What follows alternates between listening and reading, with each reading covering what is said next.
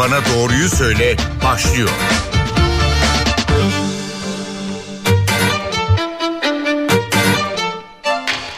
Merhaba NTV Radyo'da Doktor Bana Doğruyu Söyle başladı. Ben Zeynep Gül Alp. Bugün maymun çiçeği virüsünü konuşuyoruz. Geçen hafta Türkiye'de ilk resmi vaka açıklandı. 37 yaşında bağışıklık sistemi düşük olan bir kişi olduğu belirtildi ve İstanbul'da tedavi altında olduğu söylendi. Avrupa'da ise vakalar son 2 hafta içinde 3 kat arttı. 51 ülkede 5000 maymun çiçeği virüsü vakası tespit edildi. Peki bu virüs nedir? Nasıl bulaşır? Hangi hastalıklarla karıştırılıyor? Bugün Ankara Üniversitesi Tıp Fakültesi Enfeksiyon Hastalıkları Anabilim Dalı Başkanı Profesör Doktor İsmail Balık konuğumuz. Hocam hoş geldiniz yayınımıza. Teşekkür ederim Zeynep Hanım. İyi yayınlar diliyorum. Çok teşekkür ederiz. Öncelikle bu hastalığı hiç bilmeyen birine maymun çiçeği virüsünü nasıl anlatırdınız? Bunu öğrenerek başlayalım. Şimdi geçmişte tarihte çok büyük salgınlar ve ölümler yapan çiçek hastalığının etkeni olan virüs de aynı aileden bir virüs yapıyor bu maymun çiçeği hastalığını. İlk olarak 1980 yılında maymunlarda yapılan çalışmalar sırasında e, tespit edildiği şey maymun şey adı verildi. Daha sonra Orta ve Batı Afrika'da e, zoonotik bir şekilde yani kemirici hayvanlardan insanlara bulaşan hastalık şeklinde seyreden bir e, salgın oldu birkaç defa e, Afrika menşeli kökenli ama bu en son seferinde Afrika kaynaklı olmadan insandan insana yayılan e, ve sizin de belirttiğiniz gibi şu anda yaklaşık olarak 50 ülkede 5000'den fazla e, kişide e, ortaya çıkan bir forma dönüştü. Bu hale gelmesinde normalde bu virüsler e, grip gibi e, Covid gibi, Covid'in etken olan SARS-CoV-2 gibi, gibi e, virüslerde olduğu gibi çok hızlı genetik yapı değiştiren virüsler olmamasına karşın bu e, virüsü de e, belli ölçülerde bir yapı değiştiği ve hem bulaşma şeklinin hem de klinik tablonun farklılaştığı hayvanlardan insana geçer e, bir formdayken insandan insana da kolaylıkla geçebilen bir forma dönüştüğü e, ile ilgili çok belirti, belirgin emareler var.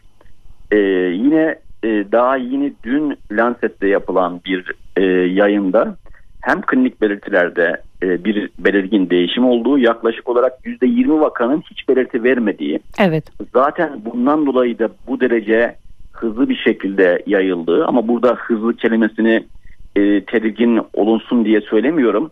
E, görece bu tip virüslere göre e, yayılmanın hızlı olmasında virüsün yapı değiştirmesi ve belirtilerin değişkenlik göstermesi, sinsi seyretmesinin etkisi olduğunu söylemeye çalışıyorum.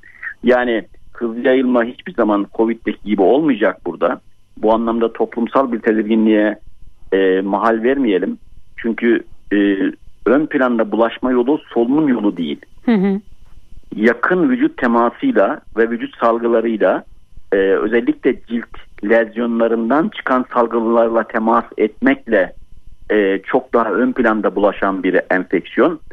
E, özellikle de bu son e, salgında insandan insana bulaşmada e, bu vakaların analiz edildiğinde Avrupa Hastalık Kontrol Merkezi ve CDC'nin yaptığı analizlerde e, şu ortaya çıkıyor.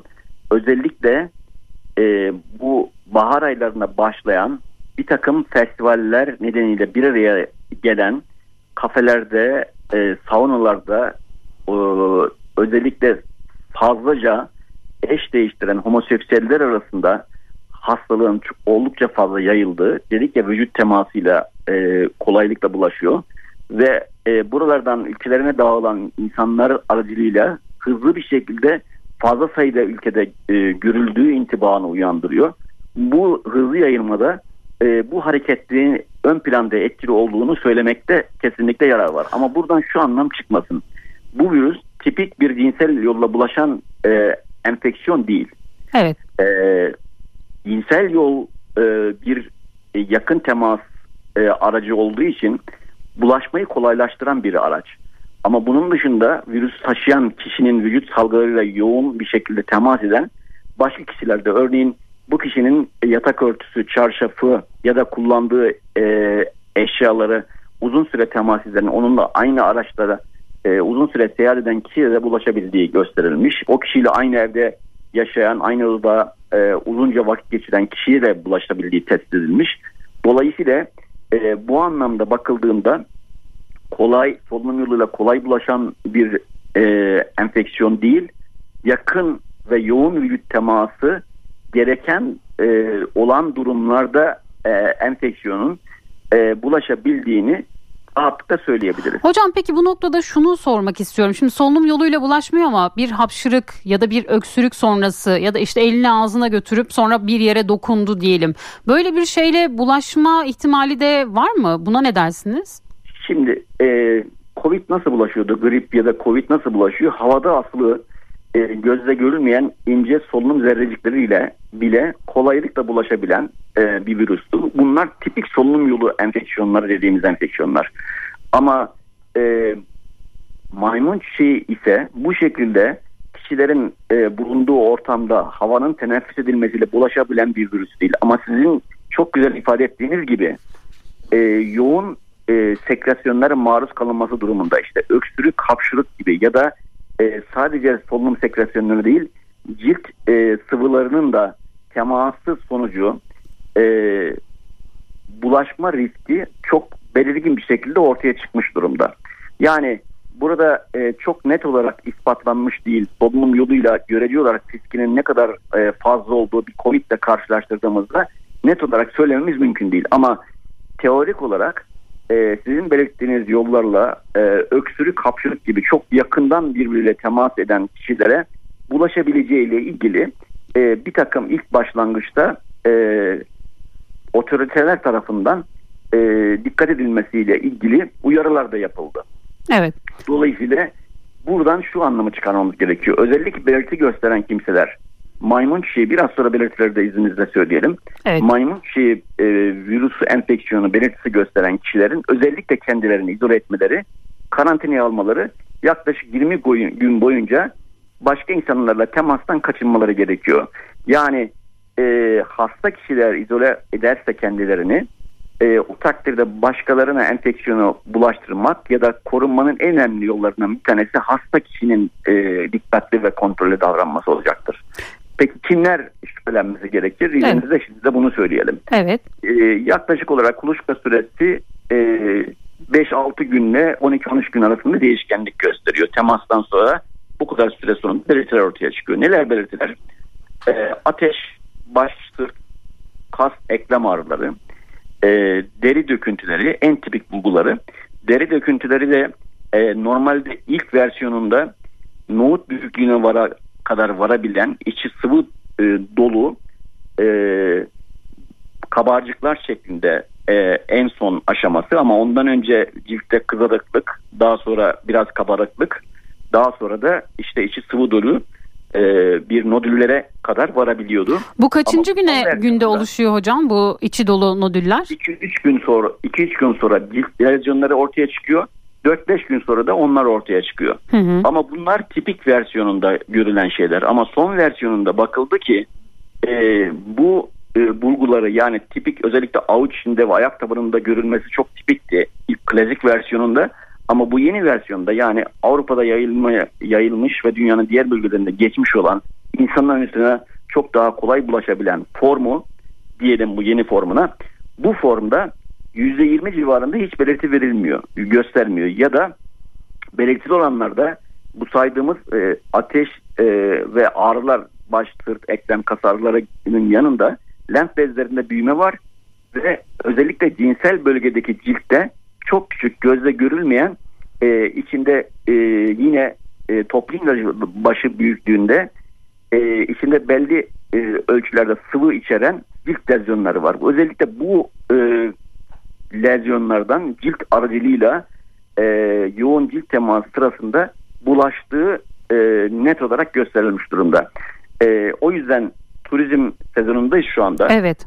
E, yabancılarla gelişi güzel e, yoğun cilt, cilt, cilt teması gerektirecek e, ilişkilerden, temaslardan kaçınmaz, kaçınmamızda yarar var. Özellikle turistik yörelerde e, çalışan ve oralarda yaşayan ya da e, turizm amaçlı seyahat eden kişilerin birbiriyle ilişkilerinden e, tanımadığı kişilerden semptomu olsun ya da olmasın bu anlamda ilişkiden e, hastalığın yayılmasını engellemek açısından kaçınmalarında yarar var e, demek istiyorum. Şimdi e, bir de bundan ziyade turizm bölgelerinde ortak kullanım alanları var. Özellikle mesela evet. havuzlar, e, yemek salonları, otellerde çarşaflar ve havlular. Bu noktada uyarılarınız ne olur? Nasıl bir kontrol e, geçirilmeli? Antalya Tabip Odası Yönetim Kurulu üyesi doçent doktor Figen Sarıgül Yıldırım demiş ki Antalya'nın bir turizm kenti olması dolayısıyla maymun çiçeği hastalığı konusunda riskli bölgeler içinde yer aldığını söylüyor. Ne gibi önlemler alınmalı turizm bölgeleri için? Acil evet, bir eylem planı yapılmalı mı? Ben de aslında bunu kastetmiştim. Evet. Bir kere bilgilendirici, aydınlandırıcı e, bu tip programların yapılması o bölgelerde e, insanlarımız özellikle çalışanlara, o görevlilere e, bu uyarıların yapılması gerekiyor. Ama ortak kullanım alanları aracılığıyla e, bu virüsün kolaylıkla bulaş, bulaş, bulaşacağını söyleyemeyiz. Bunu hı hı. kesinlikle söyleyelim. Dediğim gibi yoğun ve uzun süreli cilt teması ile bulaşıyor. Böyle olunca e, bulaşmanın kolay kolay e, ortak kullanım alanlarından e, olması mümkün olmayacaktır. Dolayısıyla ortak kullanım alanlarında işte havuzlarda, yemekhanelerde vesairede e, ek bir önlem maymun çiğini enlemek açısından almak e, anlamsız. E, ama e, her bir e, zaten e, standartta olması gereken bir şey. Her bir e, konuk e, odasını terk ettiğinde onun tüm çarşaflarının e, yeni gelen konuk e, e, konuk için yeni çarşafların olması ve yüzeylerin temas eden yüzeylerin normalde zaten temizlenmesi e, gerekiyor. Bu zaten yapılan bir şey. E, bunu yapmayan otelin olduğunu ben bilmiyorum açıkçası. Düşünmüyorum, düşünemiyorum da. Dolayısıyla bu standart hijyenik tedbirlerin oteller tarafından e, bu enfeksiyonlar olmadan önceki e, gibi alınmaya devam etmesi durumunda e, bu şekilde bulaşma zaten söz konusu olmayacaktır. Peki şimdi Covid döneminde bu çamaşırların işte 60 derece ya da daha yüksek ısılarda kaynatılması gerekliliğinden bahsediliyordu. Yine maymun çiçeğinde de aynı şey geçerli mi? Zaten aynı e, standart e, temizlik yöntemleri bu virüsü de öldürmeye, yok etmeye, bulaşını engellemeye yeterli. Peki hemen aklıma şu da geldi. Şimdi yüzey teması dedik ya da işte salgıların bulaşması. Ee, Covid-19 sürecinde kolonya ya da dezenfektanları biz çok sıklıkla kullanıyorduk. Yine aynı şekilde hijyen e, kurallarının devam etmesi gerekiyor mu bu süreçte de? Yani tabii ki hijyen kuralları sadece e, bu virüs Covid için değil başka tüm diğer enfeksiyonlar için de e, mutlaka aslında hayatımızın yaşantımızın bir parçası olması gerekiyor. Yani özellikle el temizliği, el yıkaması, su ve sabunla el yıkaması, e, kirli yüzeyleri temas ettikten sonra mutlaka yapılması gereken, hayatımızın bir parçası olması gereken uygulamalar. Yani şunu söyleyelim, standart hijyenik e, yaşam sürekliliği bizim e, tüm bildiğimiz ya da bilmediğimiz enfeksiyonları korunma açısından çok önemli. Bunu yaşantımızın e, bir kere vazgeçilmez bir parçası haline getirmemiz lazım. Dolayısıyla e, bizim her bir salgın çıktığında buna özgü e, sürekli şunu yapalım bunu yapalım önlemleri tabii ki mutlaka e, özgün bir takım şeyler varsa e, tavsiye edilmesi, söylenmesi, konuşulması gerekiyor ama e, artık Covid de bize şunu çok net bir şekilde gösterdi ki bizim standart genel kişisel hijyenik tedbirlerimize daima dikkat etmemiz gerekiyor, uymamız gerekiyor ve özellikle de şu sorumluluğu bireysel olarak bizim taşımamız gerekiyor. Eğer e, kendimizde bir herhangi bir hastalık belirtisi varsa ne olduğunu bilelim ya da bilmeyelim. Bu kişilerin başkaları temas ederken özellikle tedbirli davranmaları gerekiyor toplumsal sorumluluk adına. Bu alışkanlıkları e, edinmeli. Çocuklarımızdan itibaren toplumumuza bu e, alışkanlığı, bu bilgiyi, bu davranış şeklini öğretmemiz gerekiyor. Bu salgınlar bize e, açıkçası bunları öğretmiş olmalı. Diğer taraftan kış ayları yaklaştığında solunum yoluyla yayılan enfeksiyonların sıklığı arttığı dönemlerde de bu bireysel önlemlere ilaveten toplu taşımada kalabalık ortamlarda artık maskeli e, yaşamı da bizim bir anlamda artık kabullenmek zorundayız. Zaten uzak doğuda ben bundan 15 sene önce e, hatta 20 sene önce muhtemelen e, bir grip enfeksiyonu salgını sırasında e, salgınında maskeyi e, kullanmamız gerektiğini günlük yaşantımızda gelişi güzel kucaklaşmalardan her gün gördüğümüz insanlarla e, sabah akşam karşılaştığımızda kucaklaşmaktan sarılmaktan vazgeçmemiz gerektiğini özellikle kış aylarında e, ve bunun e, günlük yaşantımıza yerleşmemiz gerektiği ile ilgili tavsiyemi yap, tavsiyede bulunmuşum. Yani Covid bize net bir şekilde gösterdi ki bizim artık e, toplumsal e, tavırlarımızda, ilişkilerimizde e, hijyenle alakalı e, belli bir takım e, öğretileri e, artık günlük yaşamımıza yerleştirmemizde yarar var. Evet. Hocam şimdi e, Türkiye'deki vakadan biraz bahsedelim. Bağışıklığı düşük olan diye altı çiziliyor. 37 yaşındaki birinde görüldüğü belirtiliyor.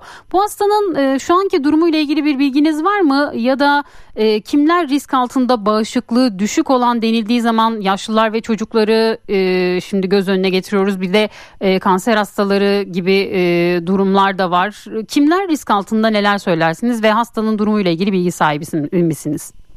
Bağışıklığı baskılayan hastalıklar ya da bağışıklığı baskılayan ilaç kullanan kişiler e, hem bu virüs hem de birçok başka enfeksiyon açısından riski fazla olan kişiler oluşturuyor. Bu virüs özelinde söyleyecek olursak çocuklarda ve bağışıklık sistemi baskılanan baskılanmış olan kişilerde daha e, ciddi seyredebiliyor. E, ama burada bir fark var. İleri yaştakiler e, 45 yaşın üzerindekiler çiçek e, virüsü e, aşısı yapıldığı için geçmişte bunlar %90 civarında çok e, bu maymun çiçeğine karşı da korunmuş oluyorlar ya da hastalığı geçirse bile çok hafif belirtilerle geçiriyorlar. Zaten dünyada ki bu 5000 vakanın analizi yapıldığı zaman da vakaların neredeyse hemen tamamı 40 yaş altındaki vakalardan oluşuyor. Çünkü 40 45 yaşın üzerinde herkeste çiçek aşısı var. Hı hı. Çiçek aşısının e, bu virüse karşı da e, koruduğunu e, biliyoruz. Diğer taraftan aynı aileden olduğunu bahsetmiştik sohbetimizin başında hatırlayalım. Zaten bazı ülkeler risk grubunda olan kimselere e, çiçek aşısının yeni versiyonunu önermeye başladılar. Ve bununla ilgili de e, bir takım üretim e, süreçlerine başladılar. E, özellikle e, belli gruplar e, bu e, risk gruplarına bu aşıları bir an önce yaptırmaları konusunda da e, ciddi anlamda e, bilgilendirme ve tavsiyelerde bulunmaya başladılar. Şimdi aşıdan konu açılmışken çiçek aşısı 1983 yılından beri eğer yanlış bilmiyorsam Türkiye'de uygulanmıyor. Şimdi yeni Tabii. bir aşılama süreci başlayacak mı bununla ilgili ne dersiniz? E, genel e, Covid'de olduğu gibi tüm toplumun aşılanması gerekmiyor. Sadece risk grubunda e, sözünü ettik. Yani geliş güzel e, birliktelikler yaşayan e, belli topluluklar var. Bu topluluklara e, bu aşıların yeni çiçek aşısının yeni versiyonunu e, tavsiye ediliyor. Mutlaka aşılanmaları söyleniyor. Bu maymun çiçeği e, virüsünden korunmak açısından. Yine e, belki ön planda çalışan sağlık çalışanları gibi, emniyet e, e, güçleri gibi bunlarla kriminal anlamda mücadele eden e, kişiler, e, yoğun teması olabilecek e, riskteki kişiler e, içinde e, bazı ülkelerde e, bu yeni versiyon çiçek aşısının yeni versiyonu e, aşıları e, tavsiye edilmeye başlandı. Hocam şimdi çiçek hastalığı denilince akla en çok çocukluk döneminde geçirilen su çiçeği hastalığı da geliyor. Bundan tamamen farklı ve bağımsız bir hastalık mı? Çünkü belirtiler içi dolu kabarcık ve kaşınma olunca akla o geliyor. E, bu ikisini ayırt etmek açısından ne söylersiniz? E, farklı bir hastalık tabii ki ama belirtilerin kısmen benzeyen tarafları var. Sadece içinde e, sıvı dolucu e, sıvı olan e, ciltten kabarık e, lezyonların e, olması döküntüler olması açısından. Ama e, su çiçeğinin e, aşısı var ve e, eskisi gibi e, aşılanan kişilerde görmediğimiz bir e, enfeksiyon doğrusunu söylemek gerekirse. Ve yine e, bu maymun çiçeğini e, çocuklarda çok fazla biz e, görmeyi beklemiyoruz e, doğrusunu söylemek gerekirse. Bulaşma yolları da göz önüne e, alındığında e, yetişkinlerde e, su çiçeğinden ziyade zona dediğimiz yani yine bu e, virüsün e, aynı ailesinden e, olan e, bölgesel döküntülere sebep olabilen benzer içi sıvı dolu kabarcıklar yapan e, hastalıklar var. Bunlar karıştırılabilir belki hı hı. ama bu da o bölgede ağrıyla seyreder. Yani herhangi bir hekimin çok kolaylıkla ayrımını yapabileceği e, enfeksiyonlar. E, dolayısıyla çok e, karıştırılmasını beklemiyoruz. Burada asıl bizim e, çekindiğimiz nokta hiç belirtisiz seyreden bu yeni versiyonunda %20 civarında olması ve döküntülerin de belli belirsiz e, hani çok dikkatli yakından bakmadığınızda görünmeyecek kadar belirtili vakalarda da e, olması e, tabii ki bu sinsi yayılmayı e, tetikleyen önemli faktörlerden bir tanesi olarak ortaya çıkıyor. Peki hocam nasıl test e, yapılıyor? Yani bizim bildiğimiz COVID-19 sürecinde yaşadığımız PCR testi gibi bir test mi yoksa daha farklı bir test mi? E, PCR testi burada da geçerli. PCR'ın dışında başka antijen testleri de e, yapılabiliyor. Hastalığı geçirenlerde antikor e, testleri e, var. Onlar yapılabiliyor. E, dolayısıyla e, zaten bu test metotları, kullandığımız test e, yöntemleri e, viral enfeksiyonlarda özellikle açısından baktığımızda aynı yöntemler. Sadece e, hastalığı yapan virüsle ilgili e, antijenleri ya da e, materyalleri değiştiriyoruz test yöntemini kullanırken. Peki şimdi bir de tedavi sürecini soralım. Ne kadar sürüyor? Karantina süreci ne kadar sürede tamamlanıyor ve bu süreçte temaslılar ne yapmalı? Karantina süreci 20 gün.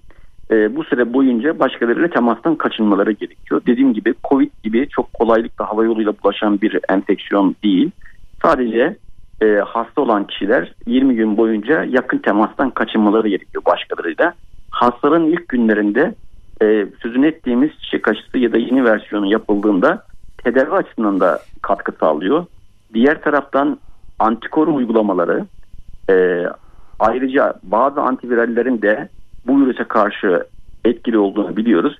Bunlar da özellikle hastalığın fazla görüldüğü ülkelerde uygulanmaya başlandı. Oldukça da yararlı e, görülüyor. Ölüm oranının yine bu versiyonda oldukça düşük olduğunu Afrika'da görülen hayvanlardan geçen bulaşan ilk versiyona göre çok daha düşük seyrettiğini e, görüyoruz. Belki bu düşük seyretmede daha genç yaşlarda enfeksiyonun daha fazla görülmüş olması, e, 40 yaş üstü çiçek aşısı olanların buna karşı korunuyor olmasının da etkisi var. Ama çocuklarda ve bağışıklık yetmezliği olanlarda bu enfeksiyonun da ağır seyredebileceğini, ölümcül seyredebileceğini unutmamamız gerekiyor. Evet. Hocam peki son olarak şunu da sormak istiyorum. Şimdi bir COVID-19 pandemisi atlattık. Acaba COVID-19 virüsünün maymun çiçeği virüsünü etkilemesi gibi bir durum olabilir mi? Ya da siz böyle bir salgın bekliyor muydunuz? Bundan sonraki süreçte yine hayatımızda böyle salgınlar olacak mı? Bir kere biz infeksiyon hastalıkları uzmanı olarak salgınları her zaman olabileceğini söyleye geldik. Bu bir kere e, doğanın e, olmazsa olmaz e, kurallarından bir tanesi. E, virüsler özellikle virüsler ve diğer mikroorganizmalar ister istemez belli süreçlerle yapı değiştiriyorlar ve o yapı değişikliğinin çok büyük olduğu dönemlerde e, insan bağışıklık sistemleri bu yeni yapı değiştirmiş etkenlere karşı e, bilgisiz düzeyde olduğu için yani zayıf olduğu için bir anlamda bu tip salgınlar ortaya çıkıyor. Korunmasız bir anlamda olduğu için bu büyük salgınları biz görmüş oluyoruz. Büyük salgınlar özellikle solunum yoluyla bulaşan e, virüslerde çok daha fazla oluyor. Grip gibi, covid gibi e, işte geçmişte çiçekte olduğu gibi ama aşıyı da çok başarılı bir e, aşı uygulamasıyla çiçek gibi çok ağır seyreden %30 ölümle seyreden enfeksiyon dünya e, yüzeyinden silinmiş oldu. Yani burada aşılamanın ne kadar e, önemli olduğunu, tıp tarihi, insanlık tarihi açısından ne kadar büyük e, yararları olduğunu bu bize çok güzel ispatlayan, e, gösteren bir olay. Peki hocam çok teşekkür ediyoruz programımıza katıldığınız ve sorularımızı yanıtladığınız için. Ben teşekkür ederim. İyi yayınlar diliyorum. Çok sağ olun. Doktor bana doğruyu söyledi. Bu hafta maymun çiçeği virüsünü konuştuk. Ankara Üniversitesi Tıp Fakültesi İnfeksiyon Hastalıkları Ana Bilim Dalı Başkanı Profesör Doktor İsmail Balık konuğumuzdu. Haftaya başka bir konu ve konukla tekrar NTV Radyo'da olacağız. Görüşmek dileğiyle. Hoşçakalın.